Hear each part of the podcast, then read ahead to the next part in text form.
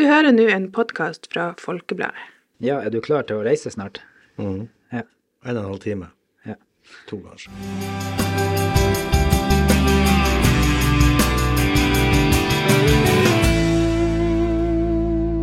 Da er vi på plass her med en eh, ny utgave av eh, Folkepodden.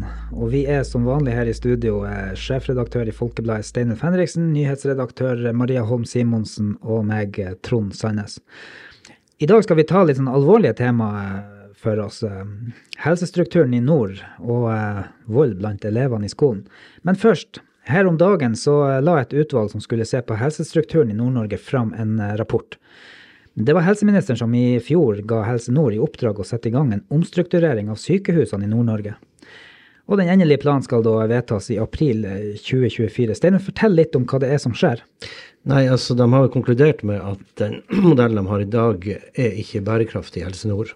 Det handler selvfølgelig masse om økonomi, men det handler vel så mye om rekruttering av fagfolk. Og det mest oppsiktsvekkende av alt er jo at den største mangelen er på de, de største sykehusene i Bodø og Tromsø.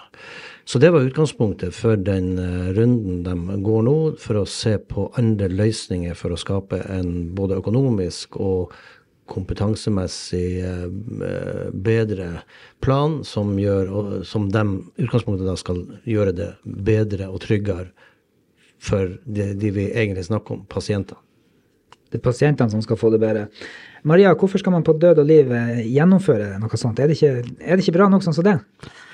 Jo, det er sikkert mange som vil eh, mene det, men eh, man må jo ta det på alvor når, når eh, altså Helse Nord-direktøren står og sier at vi i dag ikke klarer å gi gode og likeverdige tjenester til alle, alle pasientene. Det sier jo, jo ikke uten grunn. Det er jo, de har jo gjennomført en prosess og gjort risikoanalyse og kommet fram til det her. Eh, det er selvfølgelig, og det er jo folk som har påpekt det allerede, at det, er ikke alt som er godt nok utreda.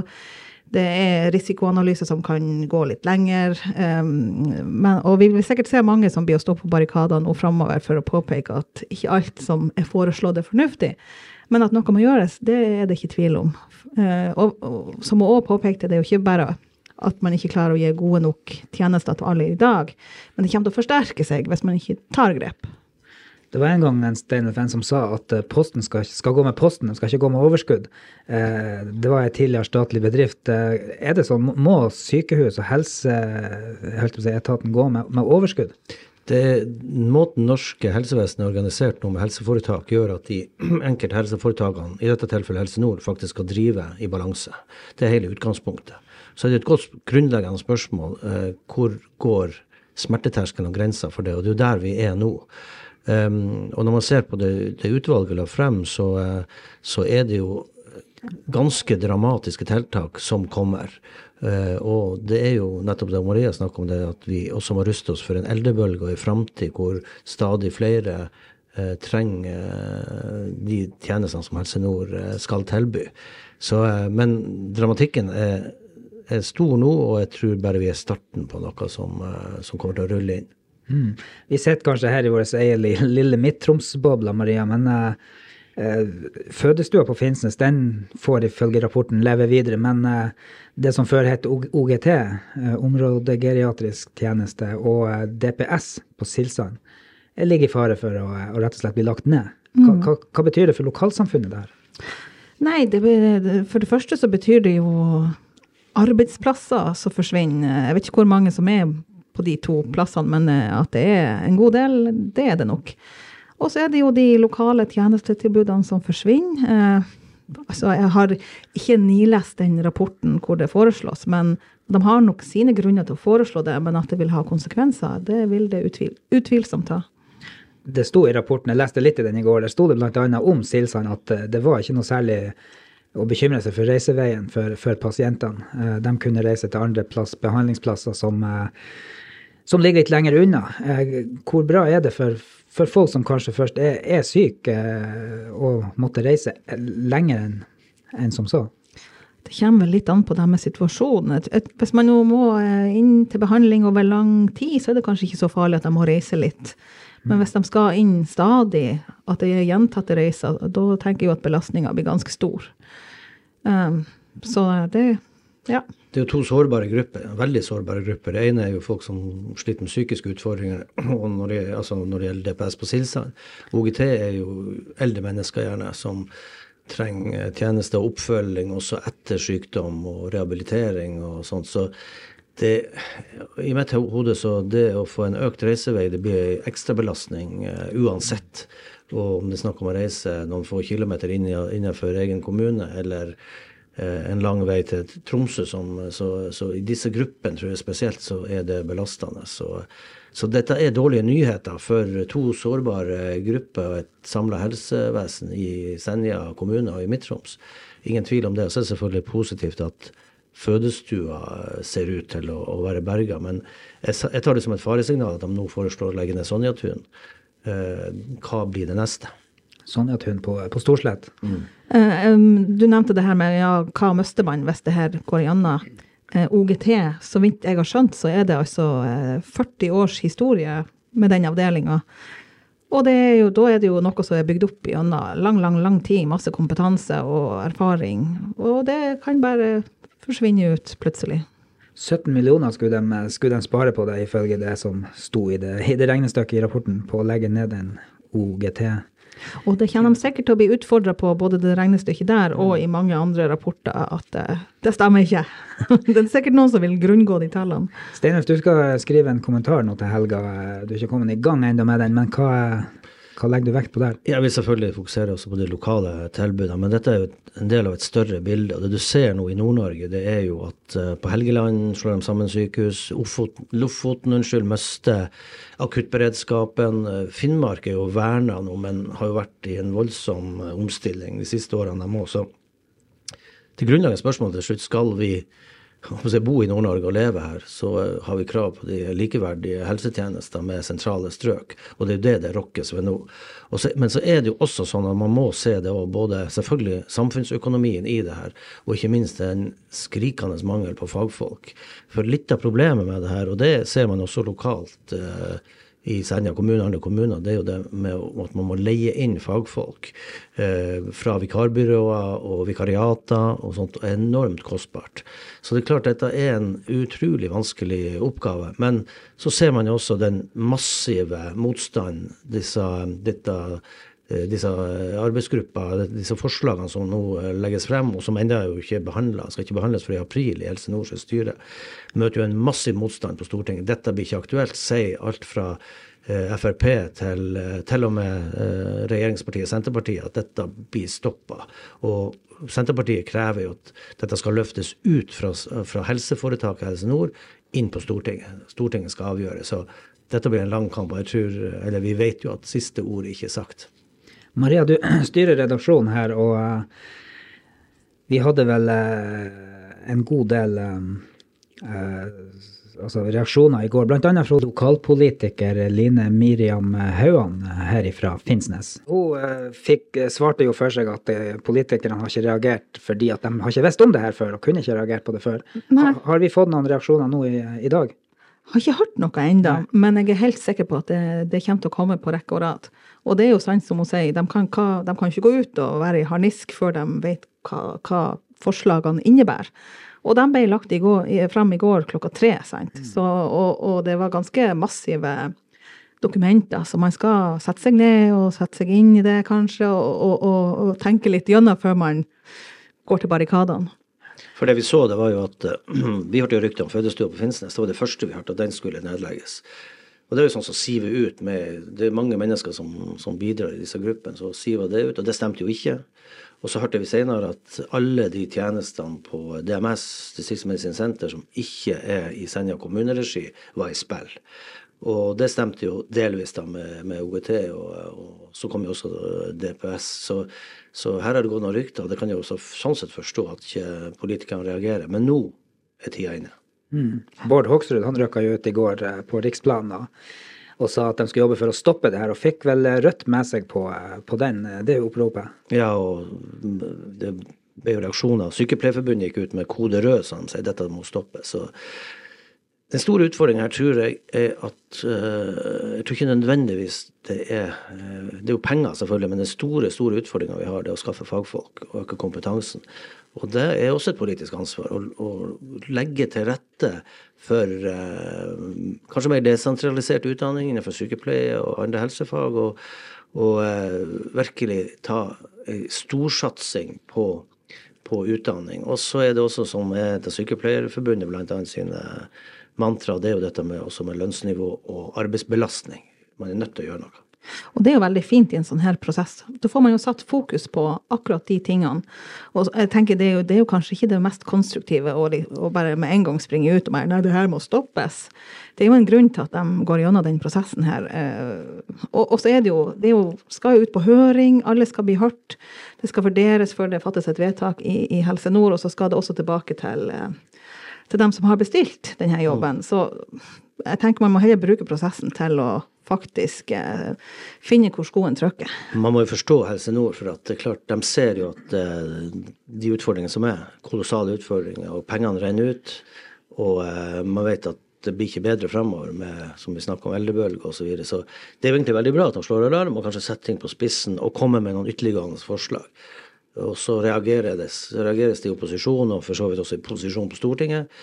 Og så er det jo faktisk deres ansvar å sørge for uh, mer penger, bedre utdanning, flere i utdanning osv. osv. Et politisk ansvar. Men er vi ekstra godt stilt her i, i vår region, som egentlig har tre store sykehus i nærhet av Harstad, Narvik og Tromsø innenfor en par times eh, kjøretur og, eller, eller båt enda kortere tid? Er, er vi ekstra privilegert eh, sånn som har det såpass nært? Jo da, det, det er jo nær, grei nærhet, det er jo det. Men samtidig så er det vik, veldig viktig med de desentraliserte tilbudene som er og du kan si I Finnmark så er det jo større avstand mellom sykehusene, men det er også, der også satses det jo på desentraliserte tilbud. Og det er kjempeviktig. Og de akuttilbudene vi snakker om, er jo også utrolig viktig. Og det at en region som Lofoten, som også nærmest fordobles i befolkning om sommeren med turisme osv., ikke skal ha et akuttilbud, det syns jeg høres helt eh, vanvittig ut. Ja, enig der. Og eh, det er jo kanskje Jeg, jeg satt på et pressemøte og bare lytta til eh, det som ble snakka om der, og da var det definitivt mest spørsmål fra journalistene fra Nordland. Mm. For det er jo På akuttsida så er det jo mest inngripende det som er foreslått der. Og jeg tenker òg det eh, Det er jo når det er akutt, det, det, er jo da det brenner. At man har en plass hvor man blir tatt vare på. Det er viktig. Så eh, jeg skjønner godt at det er reaksjoner, i hvert fall på akkurat det. Nei, men Da skal vi bytte litt eh, tema, for så vidt også alvorlig. Vi skrev litt her om den forrige uka om, om, vold i skolen, som vel ikke bare her i lokalmiljøet, men det var jo det vi hadde vinkla på. Og til og med i barnehagene har det vært eksempler som vi kunne trykke og, og publisere på vold, der, som ifølge rapporter Folkebladet kunne presentere i forrige uke. Elever slår, sparker og lugger og spytter. Eh, de kaster saks, passere og spisse gjenstander på lærerne sine. Eh, hva er det som skjer i, i grunnskolen nå, egentlig? Nei, det, det, det er jo mer uh, vold og utagerende atferd. Og det som på en måte er bra for Senja kommune, det er jo at de er ikke alene om å stå i det her. Det er et nasjonalt problem. Mm. Det skjer i, i grunnskolene i hele Norge. Men det igjen er jo ikke bra at det skjer, at det blir så vanlig. Det betyr jo at vi har et stort samfunnsproblem. Steinulf, det var jo, eh, altså vi ble jo litt overraska når vi så eh, de her som journalisten vår kom inn med, eh, de her rapportene. Men, men skal det ikke være trygt å være skoleelev heller lenger? Det, eller har det egentlig alltid vært sånn? Jeg tror ikke det alltid har vært sånn. Først vil jeg bare si at det er veldig bra at Senja kommune går så offensivt ut som gjorde, og ga oss tilgang til disse rapportene, som var ganske rystende. Som er enkelthendelser, selvfølgelig, men det er jo de som viser hvordan, hvordan, hva som skjer i skolene. Og du sier trygt å være elev, ja, men det skal også være trygt å være lærer og, og skoleleder. Vi har jo det er masse eksempler her på, på lærere som faktisk føler seg utrygge i, i skolegården og i, i møte med, med enkeltelever. og sånn, så dette er en utrolig kompleks eh, greie, og jeg kjenner også lærere som faktisk har vært og slutte i yrket og gå over i andre yrker, for det blir, det blir for tøft. Eh, men nå, akkurat som med helse, som vi snakket om i stad, så nå settes det fokus på det, denne utfordringa. Det som tror skjeller eh, fra min oppvekst og sånt eh, til i dag, det er at eh, jo da, vi kunne ha slåsskamper på bare never. Vi kan også ha Jeg kan ikke huske sjøl tilfeller hvor elever har gått løs på lærere, men det var lærere som både valgte å, å strekke og sette ørene, altså sånne fysiske ting som, som de fleste voksne vel husker fra sin barndom kunne skje. og jeg husker også lærere som knuste holdt på å si, pekestokken i, i katetet i forbannelse. og og var høgmælt og, og sånt. Så, og det er jo, tror jeg, ganske, ganske vanlig. Men den store forskjellen nå er liksom graden av både altså måter trusler kommer på, hva som blir sagt, og også den fysiske eh, volden som skjer. Og De kan jo lure på hvor dette kommer fra, hvor det man eh, blir inspirert. Og hva vi ikke hadde som de har i dag. Jo, sosiale medier, og jeg tror også kanskje mer tilgang på, på uh, vold i type videospill og sånne type ting, som, som, hvor man må lære seg en sjargong, og kanskje også til og med en handlemåte som er, som er ganske skremmende. For det jeg tror jeg er den, uh, en stor forskjell. Det var en lærer som sa til meg her uh, tidligere i høst at og hun har altså tidligere undervist i ungdomsskolen, og nå var hun på på, på laveste trinnene på barnetrinnet, eh, som sa at eh, puberteten, altså den Ikke den fysiske puberteten, men si den mentale puberteten, der, der er du nede i tredje-fjerde klasse nå, det som var syvende og åttende klassen før. Er, er, det noe i det? Det kan godt hende, det har de sikkert vært forska på, og sånt, og det høres kanskje ganske sånn sannsynlig ut at unger gjerne blir sånn uh, bråmoden. og men jeg må si det, det er jo helt rystende også å se at dette gjelder altså unger. De har registrert eh, tilfeller av unger helt ned i, eh, i seksårsalder som eh, agerer på, på sånn måte. Og vi har jo hatt noen dramatiske enkeltepisoder i Senja kommune som man kan bli virkelig skremt over, som, som jeg tror må, det må være rett og slett traumatisk både for lærere, foreldre og selvfølgelig, selvfølgelig elever sjøl også å, å, oppleve sånne ting på så nært hold som vi har, som vi har sett nå. Men uh, Steinulf sier jo at man kan jo lure og spekulere i hva, hva det skyldes, det her, og jeg tror det er veldig sammensatt. Uh, men én ting er nå sikkert at det er ikke kun den oppvoksende generasjonen. Altså. Det er ikke bare ungene som er skyld i at det her er blitt sånn som det er blitt. Det er nå noe med foreldrene, oppdragelse, som kanskje har endra seg i ei negativ retning. Kanskje man ikke er god nok å være på ungene, man overlater dem for mye til eh, ja. iPaden. Sosiale Ja, skjerm. Skjerm. Ja.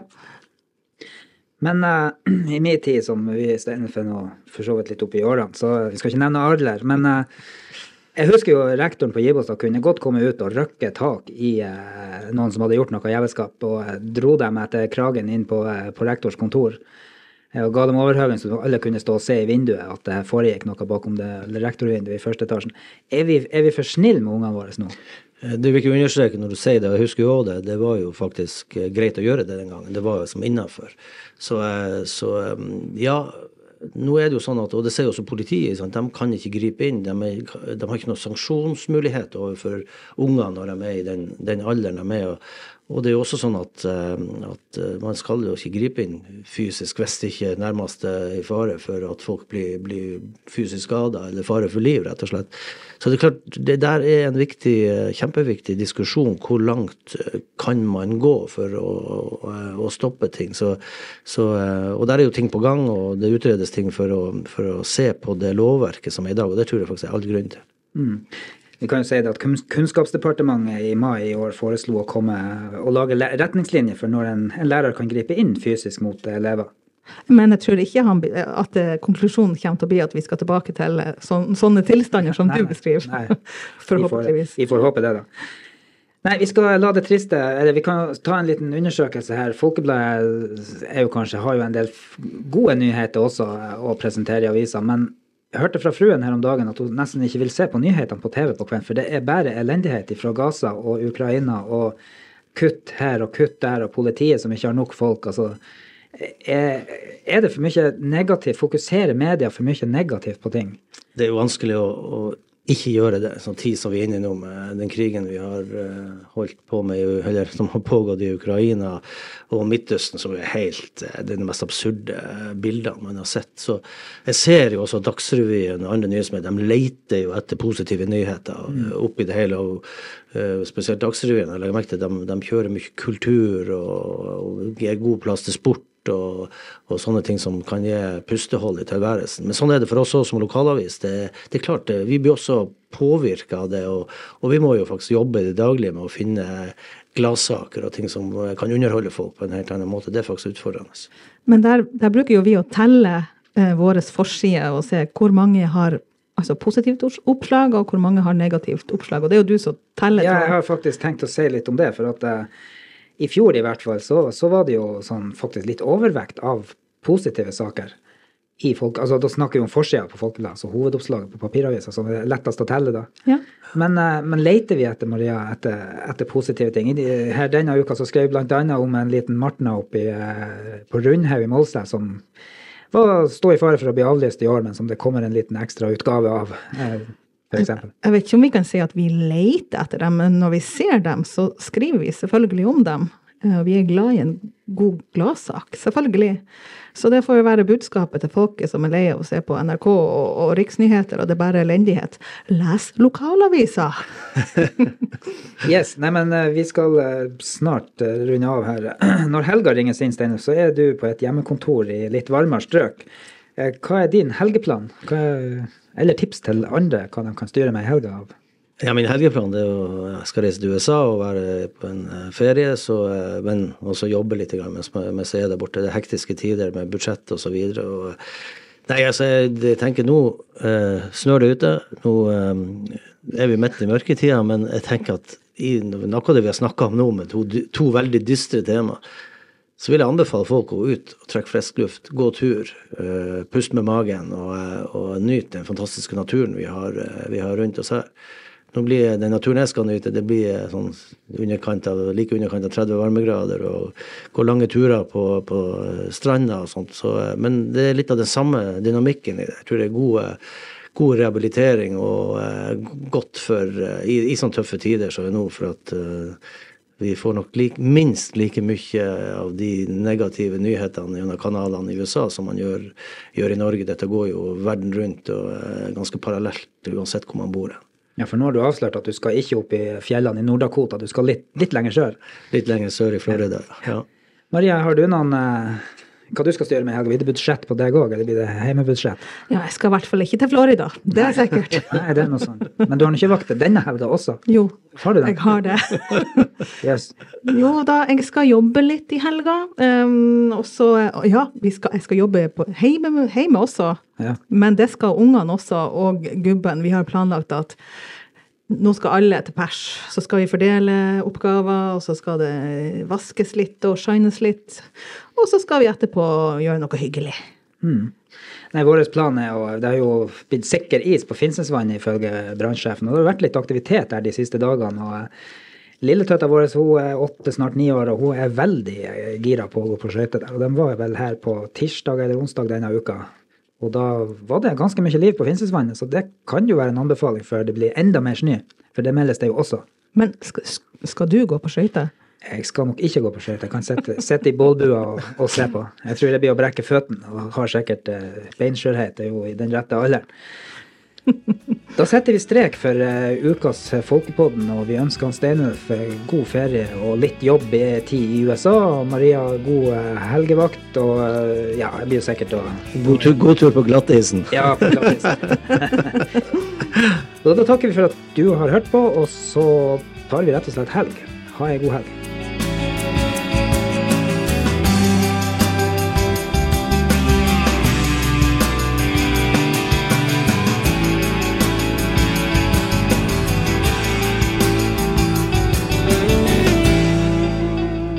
Du har hørt en podkast fra Folkebladet.